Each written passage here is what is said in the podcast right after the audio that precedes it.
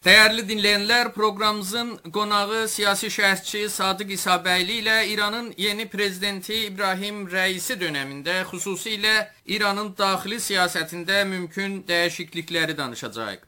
Sadiq bəy, rəisinin Nazirlər Kabineti fəaliyyətə başladı. Bu nazirlər siyasi açıqlandığında tənqidlər var idi. Misal üçün Təbrizdə çıxan Əsrazadə qəzeti başlığında yazmışdı: Türklər kabinetin qatarına yetişə bilmədilər və ya qatar qatara alınmadılar. Ondan sonra Sünni nazir e, yoxdur, bu heç zaman olmayıb. Bu tənqidlər davam edir. Qadın nazir çox nadir görünüb. Bu səfər heç yoxdur. Bu tənqidlər var idi. Bu tənqidlərlə bağlı siz fikrinizi söyləyin, oradan davam edək. Çox xoş gördük Əli Rza bəy bilirsiniz ki bu nazirlərin deyək ki e, ümumiyyətlə sayına baxanda ki 19 nəfərdən ibarətdir və İbrahim Rəisinin kabinetində sizin də qeyd etdiyiniz kimi milli etnik baxımından mənsubiyyəti və məzhəbi baxımından mənsubiyyətləri araşdıranda biz görürük ki, orada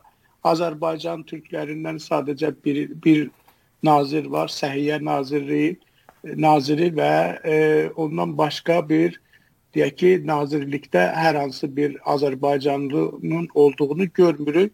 E, eyni halda ölkədə yaşayan e, sünni məzhəblilərin sayını nəzərdə alsaq, onlarla da bağlı ya o insanlara mənsub olan e, hər hansı bir nazirin də bu kabinetdə yer almasını biz görmürük. Və bu getdikcə də daha da sıxıntılı vəziyyətə gətirib çıxardı və bu onu göstərir ki, əslində bu siyasi hakimiyyət İbrahim Rəisi dövründə artıq yeni bir mərhələyə keçibdi. Ümumiyyətlə ölkənin o ictimai, siyasi, etnik yapısı və e, dini və məzhəbi açıdan onun e, gerçəklikləri heç bir halda nəzərdə tutulmayıbdı. Təbii ki, bu dediyimiz 19 e, vəzirdən ya nazirdən e, 10 nəfəri elə Əhmədinəcad dövründə olan şəxslərdir ki, birbaşa oradan gətirilibdi və bu onu göstərir ki, ona baxmayaraq ki, Əhmədinəcadın son illərində e, Xameneyi və o usulgəra cəryanı dediyimiz qüvvələr və sipahi pastaranın e, deyək ki, üzvləri Əhmədinecadla ciddi sorunları var idi, amma onun e, kabinəsində olan 10 vəziri ya naziri yenə də İbrahim rəisinin kabinəsinə gətiriblər və e, qeyd etdiyim kimi məclisdən də çox rahat şəkildə bunlar səlahiyyətlərini də aldılar və işə də başlayıblar və bu onu göstərir ki, bütün bu olayları yönətən bir qrup var və o qrupda birbaşa dini rəhbər Əli Xameneyə bağlı və Beyti rəhbəri deyilən o quruma bağlıdırlar. Əsrazadə qəzetinin yazdığına verdiyi məlumata görə o zaman ki hələ İranda prezidentlik yox idi. Mir Hüseyn Musəvi baş nazir idi. Onun kabinetində 8 Türk nazir var idi. Bu gəlir Həsən Ruhaninin son kabinetində olur bir nəfər və indi də İbrahim Rəisinin kabinetində bir nəfər. Buna baxanda, yəni bunun indi islahatçı, mühafizəkar məsələsinə baxmayaraq İslam Respublikasından bəri bunların sayısı azalıb. Doğru. Yəni bu burada islahatçı, mühafizəkar fərqi görürsünüzmü siz Azərbaycana baxanda, türklərin məsələlərinə baxanda? Bilirsiniz o deyək ki zaman-zaman iki cəryanın ortaya çıxması, yəni bu mühafizəkar və islahatçılar arasındakı o gedən hakimiyyət uğrunda və yaxud o deyək ki, prezidentlik uğrunda aparılan bəzi o rəqabətlər və əldə olunan o imtiyazlar. O bir yeni bir şərait yaratmışdı. Bir müddət o Xatəmidən başladı və gəldi, deyək ki, biraz da dərinləşdi. Həsən Ruhani dövründə də onun davamı oldu, amma o şəkildə yox və bu iki cəryan deyək ki, dini rəhbərin apardığı sırf onun əmri ilə e, o, o əmrinə tabe olan siyasət e, istənilən kimi hərəkətə keçmirdi. Çünki toplumun içində bir çaşqınlıq yaradıldı. Niyə çaşqınlıq yaradıldı? Çünki bu siyasi cəryan kimi heç bir məsuliyyət, heç bir sorumluluq almırdı. Yəni bir siyasi təşkilat kimi, siyasi partiya kimi proqram verə, o proqram əsasında seçkilərdə iştirak eləyə, onun əsasında parlamentə və yaxud o icra edici orqana gedə prezident kimi və orada fəaliyyət göstərə və göstərdiyi fəaliyyətə görə də səs ala sürəci yox idi. Sadəcə bir iki cəryan idi. Bu iki cəryan e, kütlədən səs almaq üçün bir-birini ittiham edirdilər və bu ittihamlar bu olayı elə bir şəkildə saldı ki, artıq getdikcə hər iki cəryanın etibarı kütlənin gözündə itməyə başladı və ən çox da islahatçılar. Çünki islahatçıların verdiyi vədlər e, bir tərəfdən hakimiyyətdən da ya dini rəhbərdən imtiyaz almaq məqsədi ilə idi. Bir tərəfdən də kütləni öz yanlar, yan, yanlarına daha çox çəkmək. Və bu da usulgərlərə sərf eləmirdi və bu rəqabət çox onların ictimai siyasi şəraitində ağrılı, acılı bir sürəc kimi dəyərləndirildi. Ona görə də biz indi baxırıq, görürük ki, bir bu çəkişmələrdən sonra artıq elə bir olay yarandı ki, kütlədən belə bir şüar ortaya çıxdı. Nə islahatçı, nə usulgəra.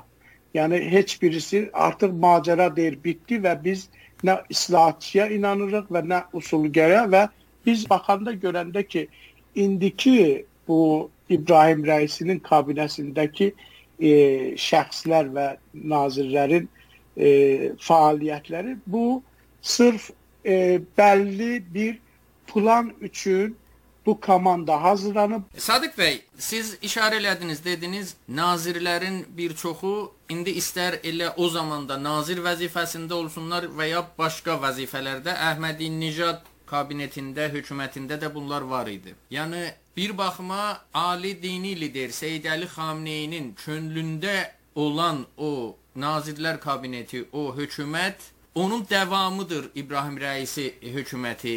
Elə demək mümkünmü?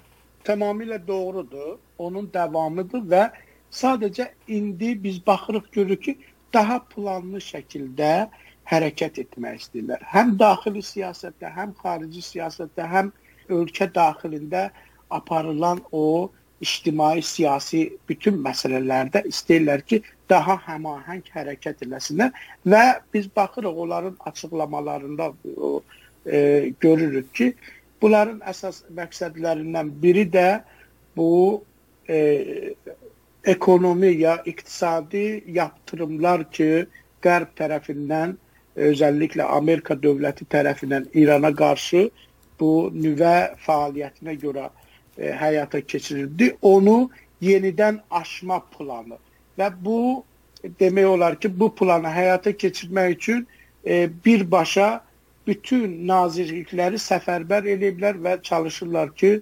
onların hamısının deyək ki, o imkanlarından istifadə edib və bu məsələni həll eləsinlər və bu da təbii ki, gələcəkdə o nüvə sazişi məsələsi müzakirələrin razılıqların əldə olunmasına da təsir eləyəcək. Ona görə də artıq dini rəhbərin deyək ki, o fikri otağında desək və yaxud o, o, o qrupa bağlı olan Sipah və Sipahi Qudsun deyək ki, siyasətləridir ki, artıq nazir, yəni bu İbrahim rəisinin kabinəsi və özü tərəfindən həyata keçirilməsi planlaşdırılır. Siyasi baskılar zaman-zaman bəzi dövrlərdə daha çox olur, bəzi dövrlərdə biraz az olur. Siz İbrahim rəisi dövründə bunu necə gözləyirsiniz? Həm elə İranın tamamında, həm də qeyri-fars bölgələrdə, xüsusilə də Azərbaycanda. E, əgər biz məsələn o ictimai, iqtisadi e, azadlıqlardan, imkanlardan danışdıq, e, iqtisadi deyək ki, sərvətin bərabər paylaşımından danışsaq, e, gəlirlərin e, ədalətli şəkildə payla, paylaşdırılmasından danışsaq, ostanlara e, fürsətlərin bərabər verilməsindən danışsaq, e, vergilərin bərabər şəkildə bölünməsindən ya alınmasından danışsaq, təbizlərin aradan qaldırılmasından danışsaq, yəni bir çox sorunlar var. Bu sorunların həyata keçirilməsi iqtisadi sahədə, ictimai, mədəni sahədə e, dil məsələsi var. İnsanlar öz ana dilində təhsil alma məsələləri var. Öz kültürləri, öz mədəniyyətlər, musiqilərinin inkişaf etdirilməsi məsələləri var. Şəhər və o yaşadıkları bölgənin inkişaf hər tərəfli inkişafı məsələsi var. Bütün bu məsələlərin hamısına necə baxış sərgilənəcək, necə siyasət uyğulanacaq məsələsini biz ya gərək onu dərindən araşdıranda görürük ki, bəlli başlı bir plan yoxdur. Sadəcə plan ondan ibarətdir ki, əhalinin ümumilikdə gündəlik ehtiyaclarını necə ödəyə biləcəyik, Amerika dövlətinə və xarici dövlətlərə necə sübut edə biləcəyik ki, İrana qarşı yaptırımlar, iqtisadi yaptırımlar, embargolar təsirsizdir və biz o iqtisadi müqaviməti deyilən iqtisadi e, plan ki, dini rəhbər tərəfindən e, ortaya qoyulubdur. O plan əsasında hər şey yolundadır və heç bir problem yoxdur. Ona görə də mən düşünmürəm ki, hər hansı formada ictimai və özəlliklə kültürel sahədə bir azadlığın verilməsinə şahid olaq. E, yəni e, sadəcə ümid eləyək ki, daha pis olmasın, amma görülən odur ki, pis olmaması üçün də hər hansı bir ciddi plan ortada yoxdur. Siz indi deyirsiniz ki, Əhmədinijad dönəminin bir baxıma davamıdır. Yəni Əhmədinijadın özünü, öz şəxsini ki, son dönəmlərində Seyid Əli Xamenei ilə arasında problemlər çıxdı. Onu kənara qoysaq, bir baxıma bir layihə kimi baxsaq, o layihənin davamıdır deyirsiniz. Əgər onun davamı olsa, baskıların, məsələn, insan haqları fəallarına, dil haqları fəallarına, baskıların artacağını düşünürsünüzmü? Tamamilə doğrudur. Çünki hər hansı bir etirazın artıq olan, olacağını biz görmürük. Məsələn, Əhmədinəcad o zamana qədər ki, sipahı müxatəb alıb onlara e, qaçaqçı qardaşlar unvanını verməyənə qədər Əhmədinecadı çox xoş qarşılayırdılar.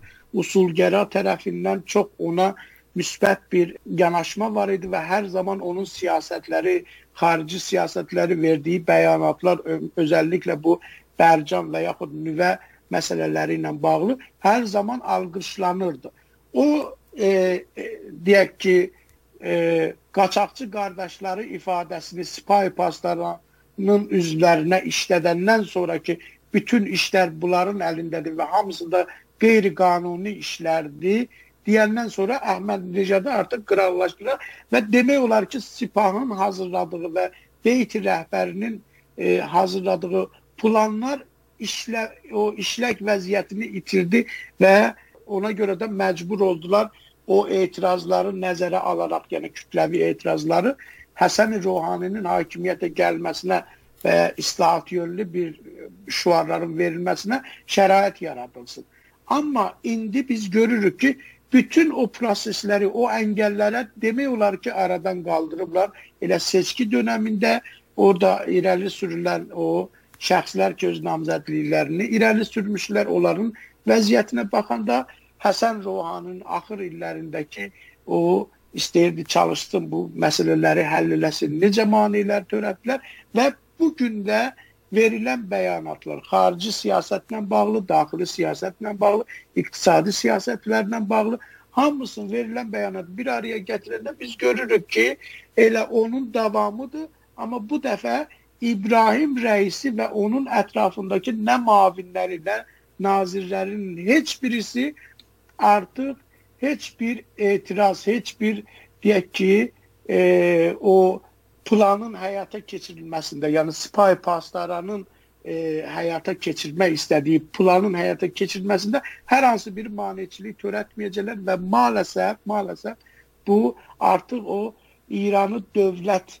siyasətindən bir başqa formaya çevirir və bu da bir başa deyə bilərik ki, hərbiləşmiş ideolojik e, mafiya sisteminin əlinə keçməkdir ki, o da sipahi paslara.